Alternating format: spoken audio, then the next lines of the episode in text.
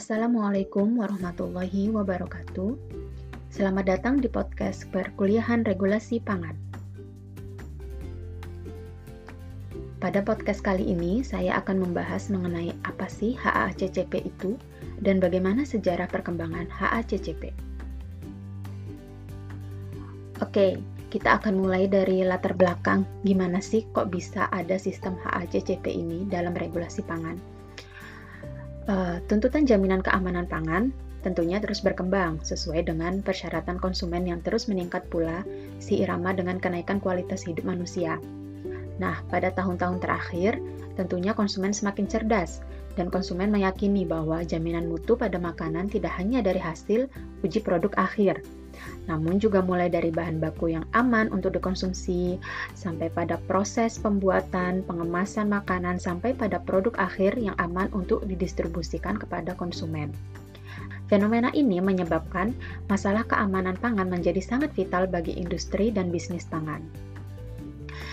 Di samping itu, hal ini juga menyebabkan jaminan mutu dan keamanan pangan untuk terus berkembang, mulai dari yang awalnya tidak ada pengawasan sama sekali, kemudian mulai berkembang menjadi adanya pengawasan pada produk akhir, sampai pada pengawasan di tiap proses produksi bagi jaminan mutu secara total. Nah, selain dari sisi konsumen, pihak lain yaitu pihak industri juga sangat menghindari adanya keracunan massal yang disebabkan oleh produk mereka bisa diakibat karena kelalaian atau tidak hygiene pada saat uh, memproduksi suatu makanan. Seperti contoh kasus, pada tahun 1989 di Inggris ada 27 orang keracunan akibat yogurt hazelnut yang terpapar oleh Clostridium botulinum, yaitu uh, toksin tipe B. Di tempat lain seperti di Prancis, ini lebih wow lagi ya ada 279 orang keracunan dan 63 di antaranya meninggal dunia karena mengkonsumsi lidah babi yang ternyata terpapar oleh Listeria monocytogenes. Fenomena-fenomena seperti ini sehingga memacu atau memicu uh, pihak regulasi pangan untuk mengeluarkan suatu prosedur atau aturan yang dapat mengurangi resiko kelalaian yang terjadi. Nah, secara umum, ada dua pilihan yang digunakan dalam pengendalian sistem pengawasan dan untuk menjamin food safety yang disarankan oleh para bidang ahli makanan, yakni ada dengan cara konvensional GMP, pengujian dan testing, serta yang kedua yakni sistem HACCP atau Hazard Analysis Critical Control Point. Dan pada kesempatan kali ini, saya akan menjelaskan mengenai HACCP. Baik, apa sih HACCP itu?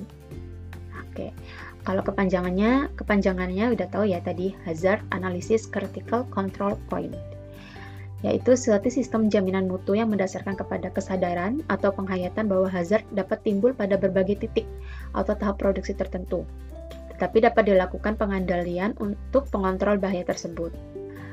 Kunci utama dari HACCP ini adalah antisipasi bahaya dan identifikasi titik pengawasan yang mengutamakan keadaan tindakan pencegahan daripada mengandalkan kepada pengujian produk akhir.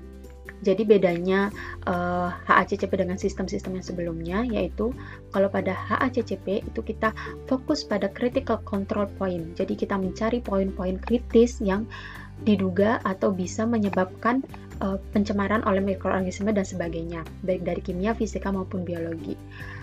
Uh, jadi tiap uh, jadi tiap titik itu dilakukan pencegahan agar tidak terjadi kontaminan. Nah, sistem HACCP tentunya bukan merupakan sistem jaminan keamanan pangan yang zero risk ya atau tanpa risk, tanpa resiko. Jadi walaupun tetap diperhatikan critical uh, control point, HACCP ini bukan merupakan sistem yang zero risk.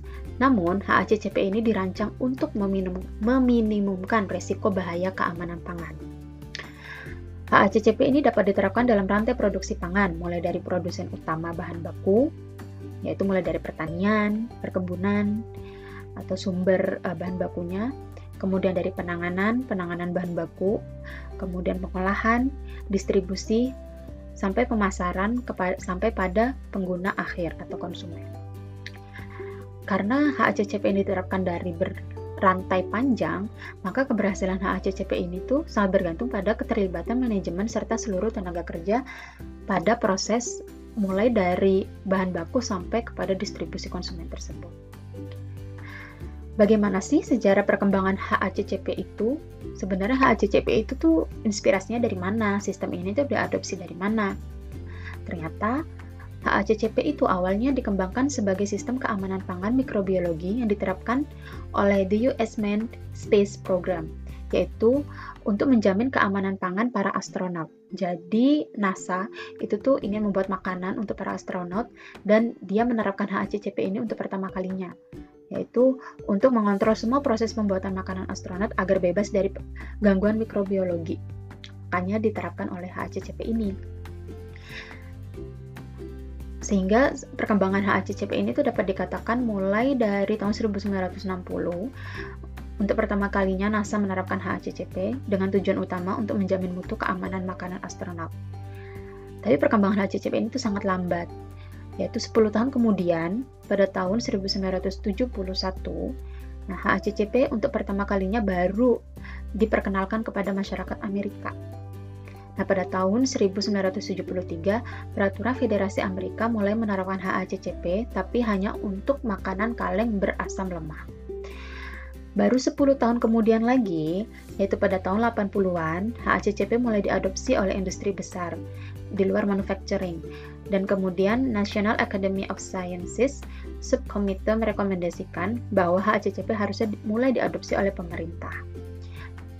10 tahun kemudian lagi, yaitu pada tahun 1990, akhirnya HACCP mulai diadopsi oleh FAO dan WHO dan akhirnya pada tahun 1998, HACCP masuk ke Indonesia dan Indonesia mulai mengadopsi sistem ini, yaitu menjadi SNI, Standar Nasional Indonesia.